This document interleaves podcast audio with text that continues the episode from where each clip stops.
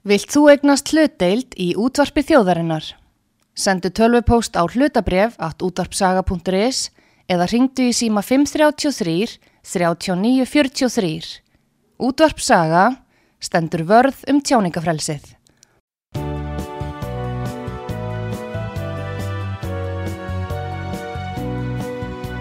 Sýteðis útvarpið á útvarpisögu í umsjón Pétur Skunlökssonar.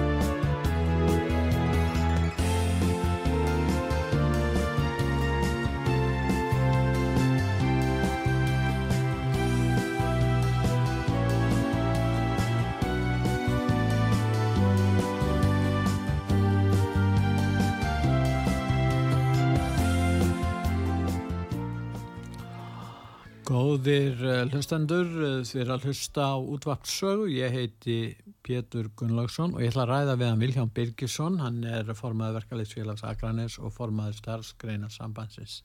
Eh, Sæl og blessaði Viljánmur. Já, gott að blessaði Pétur. Nú, Sælabankastjórin á Íslandi, hann er með tillögur um það að leiðin til að bjarga heimilunum sé að breyta uh, lánum með óbreyttum vöxtum í verðtri lán. Hvernig lýst þér á það? Já, mér... Er þetta ekki rétt? Er þetta ekki rétt hjá mér? Er... Jú, jú, hann, hann meðal annars bendir fólki á að fara núna yfir í verðri lán Já. og ég hef nú verið að ég tel einn af svona e, mörgum sem að hafa látið þessi mál mikið til sem varða á, á, á síðustu, síðustu 10-20 árum eða svo Já. um að banna hér e, verðryggingu. Þess vegna komir það til dæmis aldrei óvart, sérstaklega ljósið þess að það er bara rétt rúnt ár síðan sem að Sælabankastjóri var að vara við þessum lánum, verðtrunum lánum og hann talaði meðal annars um það að þau væri raun og veru uh, hættuleg. Þau uh, ítti undir áhættusækni og gerðu ekkert annað heldur en að hækka þrátt fyrir að væri af þeim borgað samvinsku samlega í hverju mánuði. En núna kveður við nýjan tón hjá Sælabankastjóra, sérstaklega í ljósi þess að hann er búin að þrykkja vöxtunum svo óbúslega hátt upp að greiðslu geta og greiðslu þól heimilana mun ekki geta staðið undir þeirri greiðslubyrði sem að mun stjalla á heimilunum þegar að það kemur til endurskoðunar á uh, förstum vöxtum þeirra sem festu vextina fyrir svona þreymur árum eða svo. Og þess vegna á að smala öll öllum aftur inn í þessa inn í þessi glæpa lán sem að verðtriðu lánin eru og þetta bara staðfestir það sem að ég hef alla tíð sagt að ef við værum ekki með þetta lánaform sem verðtryggingin er þá væri ekki hægt að fara með vextina svona háttu vegna þess að greiðslu geta fólk sér takmarkunum hátt. En núna þegar hann er búin að þrykja þessu svona háttu og afborganir eru hér að hækka kannski um 165% á einni nóttu þegar að endurskóðun hefur átt sér stað þá segir þessi sjálft að, að greiðslu byrði sem að fer kannski 250.000 upp í 500.000 eða þaðan að meira að það getur engin staðið ekkert heimili staðið undir slíkum áborgunum. Þess vegna eru þeir að vísa fólkinu núna yfir í, í verðtrygginguna ef, e, en ef hún væri ekki þá væri ekki hægt að fara með vextina svona háttu vegna þess að þá er þið bara greiðslu fall hjá öllum heimilum. Þess vegna er svo mikilvægt að banna verðtryggingu á neytundalánum til e, almennings. Stefna Sælabankans felur það í sér að lánveitandin tekur enga áhættu í verðbólgunni. Er það ekki rétt? Nei, nei, og það, það er alveg rétt og hann tekur litla áættu ef að þannig má orðið komast einfallega vegna þess að þessi er alltaf varpað yfir á hinn almenna neytanda og við skulum bara rifja það upp að þegar hann var að byrja að hækka stýrivöxtina svona mikið upp eins og, eins og hérna, fyrir nokkru misserum síðan þá voru rökin fyrir því að hann var að e, búa undir kjarasamning, komandi kjarasamninga og þetta væri þá almennings og heimila en hvernig getur þetta verið þá almennings og heimila að kannski greiðslubyrðin hækkar um 200.000 krónur á mánuði. og setjum það í samengi við það Pétur að þegar við erum að þegar við erum að semja kannski hér um launahækkanir sem nema þetta kannski frá 20 til 50-60 krónum á mánuði. Þarna er í raun og veru stóru tölurnar, stóru tölurnar sem lúta því að e, lækka e, skor hérna e, útgjöld heimilana með því að ná niður vöxtum og, og verðbólku. Þetta eru staðstu tölurnar í heimilisbókaldinu hjá fólki. Það lítur af þessum, þessum okkur vöxtum sem að hér hafa því miður verið við líði allt frá því að eldstu menn mun og það er eftir. Þú þarf ekki nefn að fara hér til færæja.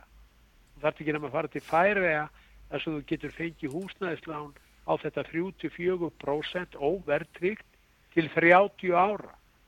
Núna getur þú fengið e, óvertryggt lán í landsbankunum og það lán hveður á um 10,75% breytilega vexti. Þannig að ef þú ert bara... skuldar 40 miljónir þetta óvertiða lán og þá þarf þetta að borga hvað fjórar koma fjórar koma fjórar fjóra koma fjóra miljónir fyrir utan afborgunna náttúrulega.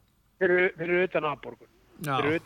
og til þess að borga 4,4 miljónir þá þarf þetta að hafa bara til að geta borgað eh, vextina af láninu. 6 6 miljónir að lámarki í, í lögn áttu allt annað eftir. Já, þetta þýðir það einfallega að vinnandi fólk á Íslandi þar að segja allur þorri launamanna hefur ekkert efna á því að húsnaði sangan þessum Nei, nei, það, það er bara það sem er að, að gerast. Og ég ætla samt bara að segja það Pjóður svona Já. alveg reynskýrislega ég Já. hef verið harðasti talsmaður íslensku krónunar mjög lengi. Já. og ég hef stutt uh, Íslenska grónuna, ég tel hann að hjálpa okkur í, í rauninu það hefði verið mjög slæmt ef við skulda þetta í ellendri mynd á sínum tíma mm. en núna er ég bara komin á þann stað að það er eiginlega ekki hægt orði lengur að verja uh, þær þjáningar sem að neytundur og heimili þurfa að þóla uh, vegna krónunar. Við, við erum að horfa á núna til þessu verbulguna á Norðurlöndunum hún er öll í frjálsu falli niður. Það er verðbólgan bara að keirast mjög skart niður. Stýrivextinnir á Norðurlöndunum eru, eru, eru, eru mun larri heldur en hér á landi. Þannig að, að uh, það er einhvað sem veldur þessu sveiplum hjá okkur og það er æði margt sem bendir til þess að lit, þessi litla mynd okkar hún sé eigi e, e, þátt í því og síðan náttúrulega því til viðbóta betur að þá er það einfallega þannig að þegar við erum með íslensku krónuna að hafa til dæmis ellenda fjármálastofnarnir engan áhuga að koma e, hinga til lands e, sama hvort það er tryggingafélög, bankar eða, eða, eða önnur, önnur e, fyrirtæki e, ellendis frá. Þannig að ég tel og ég hef sagt núna að ég tel það mjög skinsamlegt ef að væri hægt að fá erlendan, viftan, óháðan aðila til þess að meta kosti og galla íslensku krónunar og íslensku krónunar og skoða síðan e, möguleika á öðrum e, gjaldmiðli, við getum tekið norsku krónuna, við getum tekið dönsku krónuna við efruna, við getum tekið dollaran eða bara hvað sem er. Ég myndi vilja að svona óháður aðili myndi gefa okkur ráðgjafandi álit hvað er best fyrir íslenska neytundur, íslensk heimili og íslenska þjóð að gera í þessu máli. Og fá bara skýslu um það sem eru lögð á borði fyrir okkur og ég hef meiri sé að lagta til við samtök aðiljósins að því ég veit að pólitíkin eh, er ekki tilbúin í neina svona vegferð að hluta til, einfallega vegna þess að þarna er bara ein leið því á einu flokki, það er bara ynganga inn í Europasambandið og, og, og þar getum við fengið efruna, það tekur tíu ár sko í fyrsta lagi. Og, og síðan eru við og síðan eru við með aðra aðila sem að eru bara með sérhagsmunni algjörlega og telja sig að það sé betra að vera með íslensku krónu þess að við getum látið hana sko, styrkjast og, og, og falla eftir, eftir BH bara eftir hvernig útlýningsgreinarnar þurfa og hagnast heim á hverjum tíma fyrir sig. Þess vegna þarf þetta að vera óháður aðili og ég vil bara að, að samtökatur og verkalýsefingin tækir sér saman og kaupi svona úttekt þar sem að þetta verður bara lagt á borðið. Allir þessi gjaldmiðlar verði þar undir og þetta verði bara skoðað og síðan fáum menn hér einhverja niðurstöðu um hvað er heppilegast fyrir okkur að gera. Ég, það, það, það er ekkert sem mælir á mótið í að láta gera svona útegt e, e, e, ekki neitt. Það er ekkert sem skadar það að við fáum ellenda aðilag til þess að gera slíkt því að við getum ekki Við getum ekki fengið íslenska aðila til að gera þetta vegna þess að sérhagsmunir eru svo miklir og sérhagsmunaöflin eru svo mikil að þau myndu klálega reyna að hafa áhrif á nýðustöðuna og ekki er þetta að láta Sælabankan gera þetta einfallega vegna þess að Sælabankin og tilvist Sælabankans hangir á því að við séum með íslenska krónu. Já, en þá vaknar þetta spurningi Vilhjálmur. Hvernig stóða því að verðbólgan fór svona stað hjá okkur og okkur var það svona miklu meiri þrátt fyrir það að orku hækkanir hér voru minni heldur en annar staðar? Og e, þú menn tala um krónuna, það er náttúrulega menn, e, stjórnbálamerinni fór að prenta sæla meðal annars fyrir vini sína, fyrir fyrirtækið sem að fengu í COVID, e, styrki og annað. Og, og þetta er náttúrulega sér íslenskt af sumu leitið vegna þess að að hér er náttúrulega tengslu viðskipt á stjórnmála með þeir hætti að menn eru beinleis í stjórnmála til þess að þóknast vinnu sinni mjög í viðskiptunum. Þannig að þetta er náttúrulega rétt hjá þeim með sérhagsmununa en það er líka vegna þess að þeir leifa sér að koma að stað verðborgu og svo kenna er hverjum um til kenna því um að hérna að menn hafi farið til Kanari eða þú hafi verið að, að heimta allt og mikið fyrir þína skjólstæðinga eða eitthvað þýjulegt sko. þetta er náttúrulega þetta er náttúrulega þetta er bara móðgun við þjóðin að hlusta á þetta. Algjörlega. Og við skulum líka bara átt okkur á, á öðru.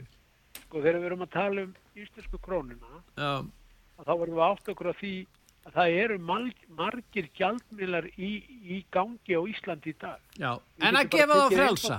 En að gefa bara gjaldmiðla frjálsa. Ég, ég, ég, sko, ég er að segja, já, ég er segja, ég er að segja það að það þarf bara að láta skoða þetta. Bandaríska dollara, kanadíska dollara, e, norsku krónuna, bara alla þessa gjaldmiðla og láta bara vega og meta og koma með einhvers konar hérna niðurstöðu til okkar sem segir okkur hvað hvað sé best fyrir okkur. Við verðum að ganga í Evrópusambandi til að fá Evró Ég veit, ég veit til að fá Evró En, en við getum tekið þau þar 27-8 ríkir sem er með dollar, bandaríska dollar. Já, já, Þú þarft ekkert annað að það þarf ekki annað að tala við Sælabankan og þeir eru bara ánæður um að stækka bá dollarasværi sitt, skilur þau? En þeir myndi ekki fara fram á það að hafa afskipta vinnaríkismálum ekkert endilega nema að því leiti að þeir náttúrulega, þeir náttúrulega stýra sínum dollar að seglabanki þar. Við myndum missa frá okkur valdi til að stýra gjaldmiðli skilur Já, það er því líka bitur allt þetta myndi koma fram í umrændri skýrslu skilur Já. það myndi koma til dæmis fram að við getum ekki tekið e, ef að það er við niðurstaða skilur ég er ekki að gefa mig fyrir frá niðurstaða en það er það sem maður bara, það bara heyrir að þú getur ekki tekið upp efrunum að ganga inn í efrumbúrsambandið að uppfylgja skilur, þá myndir það bara koma fram í slíkri skýrstu. Þá getur menn bara tekið efruna frá og, og skoða síðan aðra gjaldmuna. Ég er ekkert að leggja til og er, hef aldrei verið sko e, hérna spettur fyrir aðildað efrumbúrsambandinu. Það, það bara líku líka fyrir. Ég vil að við höldum okkar hérna, fullveldi sem, sem, sem mest og okkar sjálfstæði sem, sem mest en ég tel samt sem áður mjög mikil og við sjáum hvað Danir eru að gera. Danir eru með dörsku krónu að tegnda við, við efruna og þar er sko verðbólgan tættandi betur. Hún er farin úr einhverju 9% nýri 2,1% og, og, og, og hérna vextinnir þar, þar getur við tekið húsnæðislán á þetta 2-3% til 30 ára. Af hverju er þetta ekki hægt hér? Hvað er það sem gerir það verkum að við Íslandingar þurfum hér að vera eins og hamstur á, á hérna laupahjóli, skulda laupahjóli fyrir fjármálakerfið ár eftir ár og áratug eftir áratug.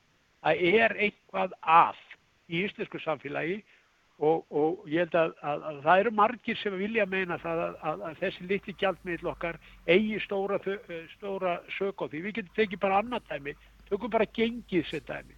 Við vitum þegar að það, það sveiplast til og frá Já. að þegar það, þegar það hérna, hérna, hérna fellur þá, þá kannski ríkur upp hér, hér vöruverði þegar það styrkist þá, þá skilur það sér ekki tilbaka skilur já, Þannig að, að, að og það er allt, alltaf þannig að, að þegar að það gerist þá er alltaf byrðastaðan svo mikil hjá, hjá, hjá hérna byrgjum að það er eitthvað að selja lagerinn og, og svo framvis en, en þegar að, þegar að, að, að hérna gengi er, er óhagstætt þá fer það bara beint út í verðlagið eins og skot. er En það önnur, gengur yfirleitt aldrei tilbaka. Er ekki önnur ástæða líka hér er svo lítil samkeppni?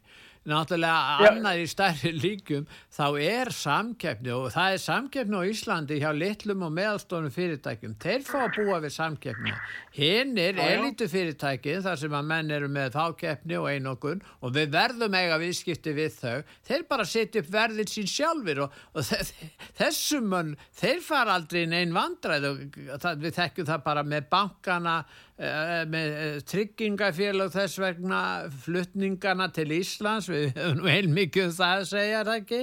Þannig að við, við sjáum greinilega að og, og svo hefum við þessi vandræði með samkeppniseftirliti sem er að verða nú svolítið vandræðilegt er það ekki og, og, og það er alveg saman hvað við lítum. Hér er bara engi samkeppni. Þess vegna er dýrtiðin meiri hér en hún ætti að vera. Pétur, Pétur, það er nákvæmlega þetta sem ég er líka að benda á. Getur verið að ástæðan fyrir því að það er ekki samkeppni á Íslandi er vegna þess að tryggingafélög, flyttingafyrirtæki, eh, fjármálafyrirtæki, þau vilja ekki koma inn í Íslest krónahækkerfi. Nei, Ef það myndi breytast kannski að við eh, væri hér eh, stærri gjaldmið sem að væri þar á bakvið, mun virtari gjaldmið, yrði þá bara ekki umtalsveit meiri líkur á því að erlendir aðilar myndu hafa áhuga á því að koma hér og veita íslenskum aðilum eh, fulla samkeppni. já, Ég, það, ég, ég held að það sé líka uh, sko, uh, ástæðan fyrir þessari, þessari, fá, þessari fákeppni er vegna þess að því að gjaldmiðlinn hann laðar ekki þessa aðila til þess að koma enga. það er klíku styrkur elitunar sem er höfuð vandamál Algjörlega, ég bara tek undir það líka með þér. Það er bara þannig.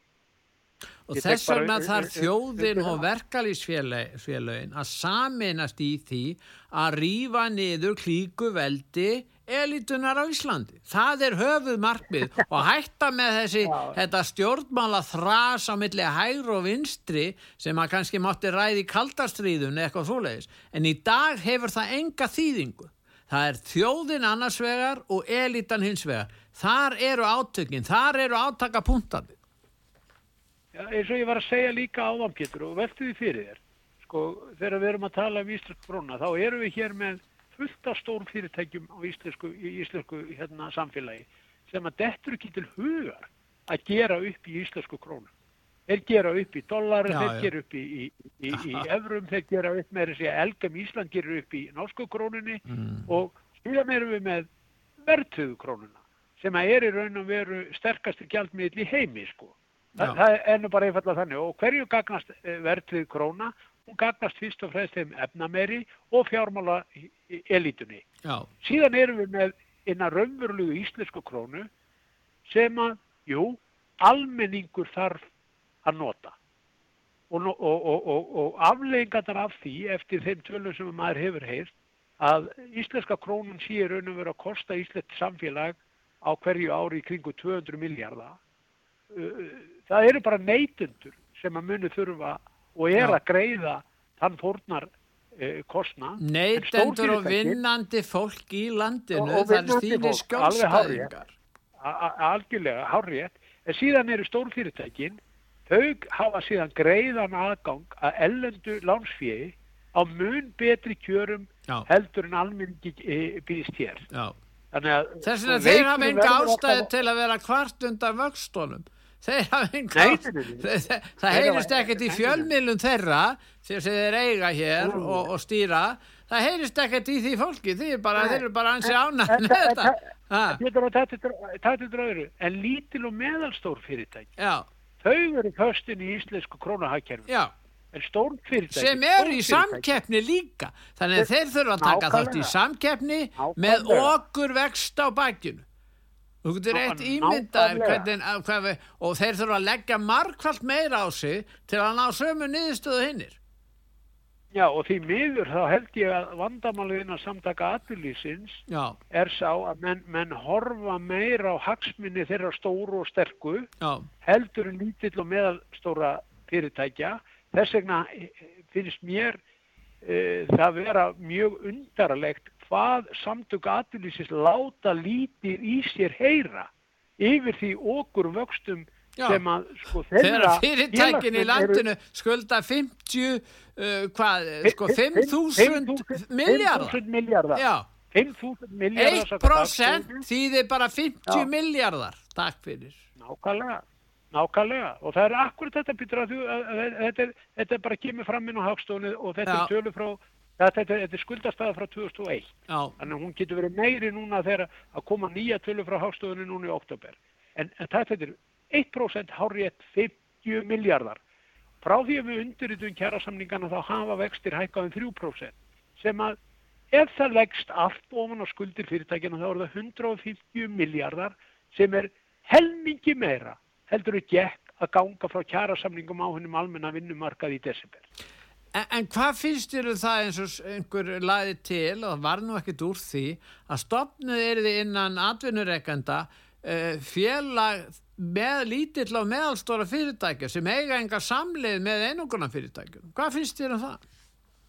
Ég, ég, sko, ég ætla nú ekki að fara að tala máli aðurur, síður, síður, síður, Nei, síður en ég meina, þú ert að tala- að- fyrir- Pétur, þrátt fyrir Pétur, að ég hef alltaf sagt að samspil launafólks, já, fyrirtækja og, og stjættarfélagana fer saman í 99% tilfella. Það skiptir máli fyrir launafólk og stjættarfélagin að fyrirtækjunum gangi vel því að það er þannig sem að við já það að meiri nýðast á litlu og meðalstólu fyrirtækjum og þess vegna getur þeim ekki gengið vel, það er málið. Já, ég, ég get bara til að svara spurningunni, væri ég sko með meðalstótt fyrirtæki eða lítið, Já, þá væri ég allavega mjög óhress já, með samtök aðurlýsins í því að berjast ekki gegn þessum okkur vöxtum sem eru hér í íslensku samfélagi. Góðir hlustendur, þið er að hlusta út var sögu. Ég heiti Pétur Gunnlaugsson og ég er að ræða við hann Milján Birgisson, formann verkaliðsfélags Akranes og formann starfskreina samfélagsins, sam, sam, sam, já, sambandsins og við erum að ræða í mig smál og við ætlum að halda áfram umræðinu eftir auðlýsingarlíð. Við ætlum að hlýða nokkru auðlýsingar og svo komum við aftur, Viljámur. Já.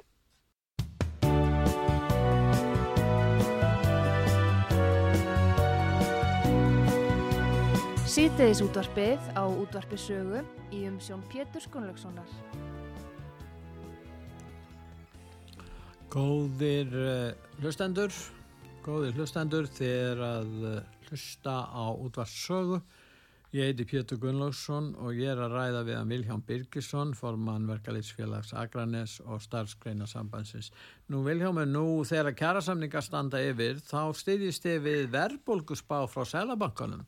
Er það ekki gagslust plagg? Hvað segir þú?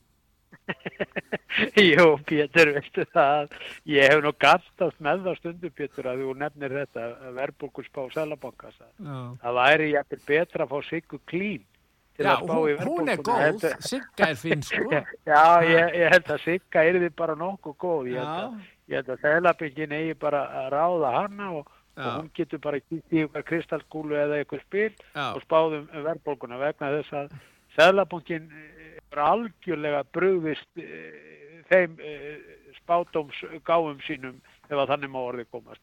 Jú, jú, en notabenni við þurfum alltaf í verkefnisefingunni að miðast við einhverjar framtíðasín og þá kannski horfum við á e, verðbólguspár ekkit bara frá Sælabankanum, líka frá, frá greiningatildum bankana, svo erum við náttúrulega líka með greiningatildir innan ASI og, og, og Vaffer er, er líka með, með svona spálíkan, þannig að við, við byggjum okkar, okkar hérna forsendur út frá, frá, frá, frá slíku og sem dæmi að í desember að þá e, stuttust við við það að þegar við sömdum að e, verðbólgan er komin niður í svona 6% í november, desember á, á þessu ári. Við sínist að það ætla ekki að takast, við, hún er í núna í 7,7%, það komar að reynda nýja tölur núna í, í byrju næstu viku, þannig að, að, að e, við verðum að, að sjá, en, en auðvitað þurfum við að horfa á þessar hagstærði þegar við erum að búa til okkar, okkar kröfugerður og, og, og meta hvaða stöðu og hvern, hvaða leiðir við eigum að fara. En Viljámur, nú er í raun og verið verið að gefa í skinn að launahekkanir eða ofmikla launahekkanir munu leiða til vaksta hekkana. Er þetta ekki hótun sem að, svífur yfir vötnum? Ég hef nú haldið það. Elskar mér góða, veistu það að sko annað eins, uh, aðrar eins hótanir eins og Íslands launafólk hefur fengið frá Sælabankanum í, í nánast í hvert einasta skipti og kjærasamningar eru lausið þetta eftir. Hvert einasta skipti. Þá er alltaf, og ég tóka nú eins og því saman og setti það upp á nokkra glærur, allar fyrirsagnirna frá Sælabankanum varðandi, varðandi hótanir og, og svona, já, í raun og veru verið að kenna okkur um, um óstöðuleikan Við höfum verið að tala um að kjærasamningar eru fýllinni í, í, í herbygginu. Samtöku aðlýsi spáðu 2015 að verðbólgan er í 28% ef það gengir það gröfum okkar. Svona hefur hræslu áróðurinn verið endalus og þeir skella alltaf þessari kolrispuðu plötu sinni á í hvert einasta skipt og kjærasamningar eru lausir. Og þeir kendu okkur um það núna að kjærasamningar í desember hafi verið of innihalsmiklir, hækkarinnar hafi verið of miklar og þess vegna hafi þurft að hækka stýrivextina e, þetta mikið. Þannig að við erum öllu vön í þessu en við þurfum náttúrulega að fara að bregðast við þessu og hvernig ætlum við að, að mæta þessu. Ég veldi fyrir mér, getur, ég veldi fyrir mér að því að núna Já. erum við með 9,25% stýrivexti og verðbólkunni 7,7 segjum svo að verkefnisefingin nú er ég bara fabulera bara, bara svona til að henda í, út í lofti segjum svo að verkefnisefingin myndir að segja okkur gott og vel. Við ætlum að segjum 0% launahækun næstu 12 mánuði. Já. hvað myndir Sælabóki gera? Að segja mér að Sælabóki myndi fara með niður í 5% mm. og verðbólka myndi hér finnja niður í sko niður í, í hérna, verðbólkumarkmið Sælabókars Nei, veistu það það, það myndi ekki gerast. Þá kemur söngurinn hjá Sælabankanum, já það eru margir aðrir þættir sem hafa áhrif á verðbólgun og stýrivextina heldur bara beina launahækanir. Þannig að, að, að, að það er svo gott að kenna launafólki um uh, allt sem að miður fyrir í íslensku uh, efnaðarslífi, sama sko hvort að fólk uh, vogi sér að fara með fjörstjútuna sína út til Teneríf, skiluru, ég get bara fullið það við og ég hef sagt það áður í fjölmjölum að láti ekki fólk á íslenskum vinnumarkaði, láti ekki fólk sem er á leikumarkaði og, og með mörg börn, þetta fólk er ekki með tætnar út á uh, Teneríf. Það, það, það, það get ég alveg settið. Það hefur bara heilig gefn á. Á að saka, á að saka leigutaka, uh, hérna, að taka leigjanda sem er að borga allt og hátt verð og getur alltaf á að saka hann um verðbólguna fyrir að þurfa að greiða ja, svona hátt ja, fyrir leiguna. Ja, er það ekki? Er, er, Jú, er, það er verið að gera það. Það er verið að taka hér fólk sem er kannski að leia tryggja, herbyggja í fyrir 300.000 300.000 krónur á mánuði. Og þú þart einhverjar 450.000 krónur í laun til þess að eiga fyrir leiguna. fyrir leiguna og það er bara til að dekka þá leiguna sko. En það sem ég átti við í sambandi við verðbólku, spá, selabankans og annað slikt, nú sest þú að ferða að semja, en ég meina hvernig er hægt að semja? Vi, ef, ef við erum að tala um svona mikla verðbólku, við erum líka að tala um hagvöxt, við erum að tala um þessar hótanir ef, ef að launahækkandi verða og háar, e, þá er spurningin hvaða leiðir hægt að fara? Væri til að byggjum eitt, áður en þið setjast niður, þá segir þú hreinlega við þá, heyrðu, Við áðurum við hefjum viðræðum þá viljum við að ríkistjórnin, og þetta er bara þá talið við ríkistjórnin í leiðinni, við viljum burt með húsnæðisliðin úr vísitölunni. vegna þess að þið náttúrulega stað okkar vegna dýrtíðarna ræðist af þessari miklu verðbólgu við teljum að húsnæðisliðurinn haldi uppi verðbólgustígin og vísitölunni við viljum þá gera það kröfu fyrst til að byrja bara a priori algjörlega að við setjumst ekki niður nema við fáum húsnæðisliðin úr vísitölunum hvað segir þetta? Ég ekki bara byrja því að svara þessi, þessi vinna er byrjuð þetta er krafa sem við erum búin að vera með uppi og ég get alveg sagt til hvað er, í, í, hvað er verið að skoða núna þessa dagana. Já. Við erum meiri sér búin að funda með hagstofunni, við erum búin að e, eiga samtal við hagstofuna með þetta. E, vandamálið, sko varðandi húsnæðsliðin, er einn þáttur í e, hérna í výstölni sem heitir svo gotur reiknuð húsalega. Við erum með sko tvær hérna undir výstölur, önnur heitir reiknuð húsalega og hinn er greitt húsalega. Greitt húsalega er bara húsalega sem er bara á hennum almenna vinnumarkaði skiluru, hún mælist inn í výstölnu og síðan erum við með reikna húsalegu og reikna húsalegan, það sem er að keira hana fyrst og fremstu, er hækkun á fastegnaverði. Það er sá liður, sá tiltekni liður í vísitölni sem þarf að fara út. Og ég er heyrist á hagstofinni að þeir séu bara orðnir sammála því að þessi hækkun á fastegnaverði sem að skapast fyrst og fremst vegna frambósskort og líka að það skiptir heimili engum máli e, hvort að húsi við hliðina sé selt á einhverju x upphæð og það hækki upp.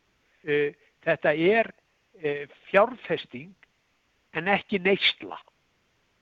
E, þannig að ef að þessi liður færi út úr vísutum myndi það lækka verða húsnað? Ég held að myndi bara lækka hérna bara myndi lækka vísutöluna en ekki endilega Já, ég, ég, fyrir ekki, ég er, ég er að segja, segja það ef við myndum taka reikna húsaleguna út úr vísutöluna og nota greita húsalegu eins og er í lang flestum löndu sem við erum að bera okkur saman við Já. þá er því verðbólgan á Íslandi miklu miklu minni heldur hún hefur verið Ég, vegna þess að það er reiknað á húsalegan fyrst og fremst sem að hefur verið að keira upp verðbólkuna og þessi vinna er byrjuð. Ég get bara staðfest það. Nú, uh, deiltiðin, sko, hún, hún heldur áfram og, og, og það, það er endalust hægt að, að finna einhverjar afsaganir fyrir því. Er þá spyrja sumir og það er á meðan margir launþegar og þeir segja, já, eina leiðin til að vinna sér úr vanda hér á Íslandi það gengur illa það fara tímabundir til útlanda til að hafa vinnu eða til að bæta lífskjöring hér það er að stóru auka hagvöxtin til þess að stóru auka hagvöxtin þá þurfum við að, að rafvæða þá þurfum við að auka orkuna það er ekki viljið til þess það er ákveðinir hópar hér í samfélaginu sem selja orku hérna framleiðsla og annað sé allt og mikil hér og, og þetta eiginleikin átturinn og við þekkjum þá umræð Er nokkur annar leið út úr þessu til að bæta lífskjör þinnar skjólstæðinga en að berjast fyrir því að auka hér hagvöst og framleiðslu í landinu? Svo við tölum bara reynd út. Pyrður, þú hitti bara naglan og höfuði hérna. Til að við getum haldið upp í góðu samfélagi hér á Íslandi, mm. þá þurfum við að framleiða. Við þurfum að framleiða og við þurfum að selja vörur ellendis og skapa gjaldirir fyrir íslenska þjóðum. Það er það sem við þurfum að gera og það gerum við með margvíslegum hætti, við, þú þekkir þetta vel, Já. þetta er ferðarþjónustan, þetta Já. er, er sjávarútvöðurinn og þetta er stóriðjan. Mm. Þetta eru þrýr staðistu uh, hérna, útflutningsgjaldiristekju uh, þjóðurna koma frá þessum Eh, þremur aðlu, síðan er skapandi greinar og aðra, aðra greinar Já, einn ein greinar sem er að líka skila talsverðu, já, já, það er rétt Þetta, þetta þurfum við að ebla og auka já. þannig að við getum uh, bætt í og tekjurnar verði meiri, hagvöxtur verði meiri, reyndar er uh, selabankastjóri að kvarta yfir ómiklum hagvexti sem þýðir ómikil þensla. Já, ég menna, hann vil samdrátt ég menna, vaksta hækkar markmið er samdrátt. Já, það, það, sko, þetta er svo magna þetta eftir ef við tölum, tölum um launafólk. Það skiptir engu máli ef það gengur of vel í íslensku hagkerfi. Þá þarf að draga úr, úr, úr, úr þenslunum og það er ekkert að hækka laun Nei, en hækka vextir. Ef, ef, ef, ef það gengur illa í íslensku hagkerfi, þá er það vegna þess að er, nú þurfum við að, að gjöra svo vel að, að, að stilla ykkur launakröfur í hóf af því að það er svo lítið tagust. Og svo þarf að hækka skatta. Aldrei, og þá þarf að hækka já, skatta og auka umsvið ríkis. Það er aldrei tækifæri. Ég get alveg sagt til Pétur mína skoðuna á því hvaða leið ég myndi vilja fara í komandi kjærasamlingum og, og svo leið er bara uh, hefur verið farin og hún var farin árið 2009 og heiti svo kvöldi lífskjara samningsleið. Já. Hún byggðist upp á því að við sömdum um fastar krónutölur sem gögnu, gagnaðist þeim tekjulegstu hvað mest. Samhliða því komu ríki og sveitafélög með kröftugum hætti inn í e, samningi til að styðja við hann.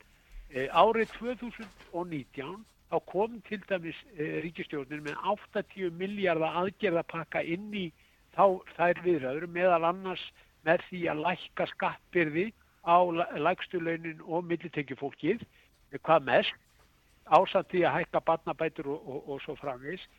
Þetta er leið sem að skilaði umtalsverðum árángri 2019 og þetta var fjagur ára samningu sem við gerðum þá og það var ekki eftir nema fimm mánuðir af samningnum þegar COVID skellur á og hér fór að halla á verri veg. En það var ekki kjærasamningnum að kenna, heldur ytri aðstöðum þar sem að aðflytningsstjöld og, og, og, og raforkuverð ellendis þrygt upp öllum verðum úti sem að síðan skilaði sér hér með, með hækkandi verðbólku. Þetta sér leið hefur verið farin Pétur, hún skilaði góðum árangri og ég er talsmaður þess og hef talað um það innan viðbanda verkeflisefingarinn að þessi leið verði, verði, verði, verði farin. Ég veit ekki hvaða leið verði farin en núna erum við hins vegar í aðeins erfiðari stöðu og því letur við til að þegar við förum inn í þetta umhverfi árið 2019 þá voru stýrivextir 4,5% eru núna 9,25 og verðbólgan var í kringum 4%.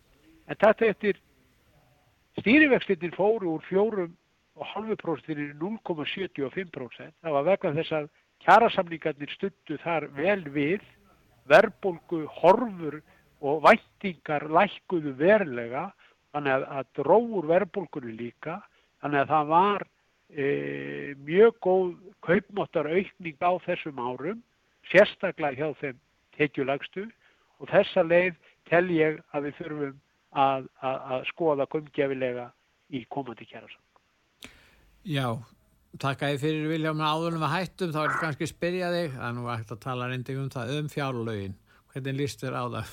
Þú vil hann nú ekki hægt að svara því með einni, einu orðið eða setningu, en það er vegna þess að þá afgreða fjárlögin alltaf með halla og síðan eru flest sveitarfjölur ekki með tapi líka. Þetta er ekki nógu gott, er það?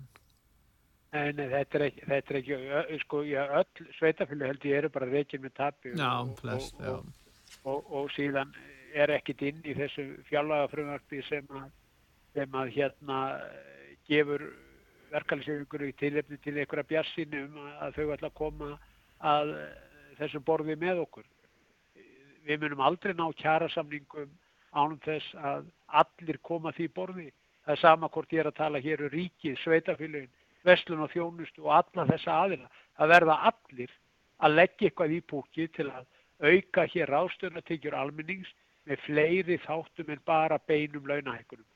Vextir þurfa að lækka mikið, vöruverð þarf að standa í stað, jafnveg lækka, e, ríki og sveitafili þurfa að skuldbytta sig til að hækka ekki gjaldskráru meira heldur 2,5% eins og við gerðum 2019 í stjárnarsamlingnum og badnabætur þurfa að hækka að þarf að hækka hér, e, lækka hér skattbyrðina á, á láttekju og millitekjufólki og, og, og svo framvið. Svona má bara lengi telja. En til að þetta tækist þá þurfa allir að koma borðinu. Þakka er fyrir að tala við okkur Viljámur og gangi ykkur vel en við ætlum að enda þáttinn á góðu lægi. Þakka er fyrir Viljámur og ég þakka hlustendum út var sögum. Verðið sæl.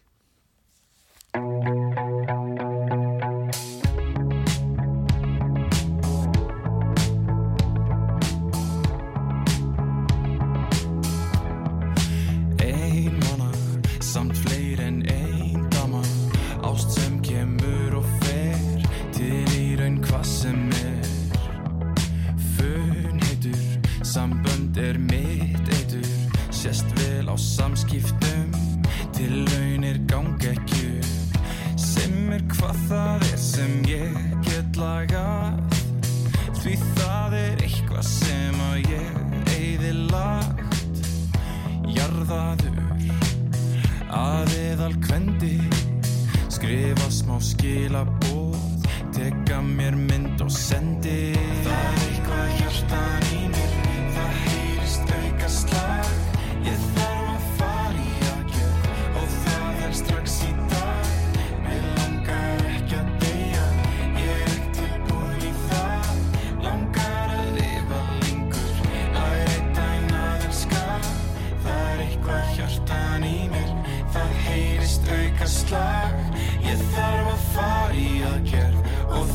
straks.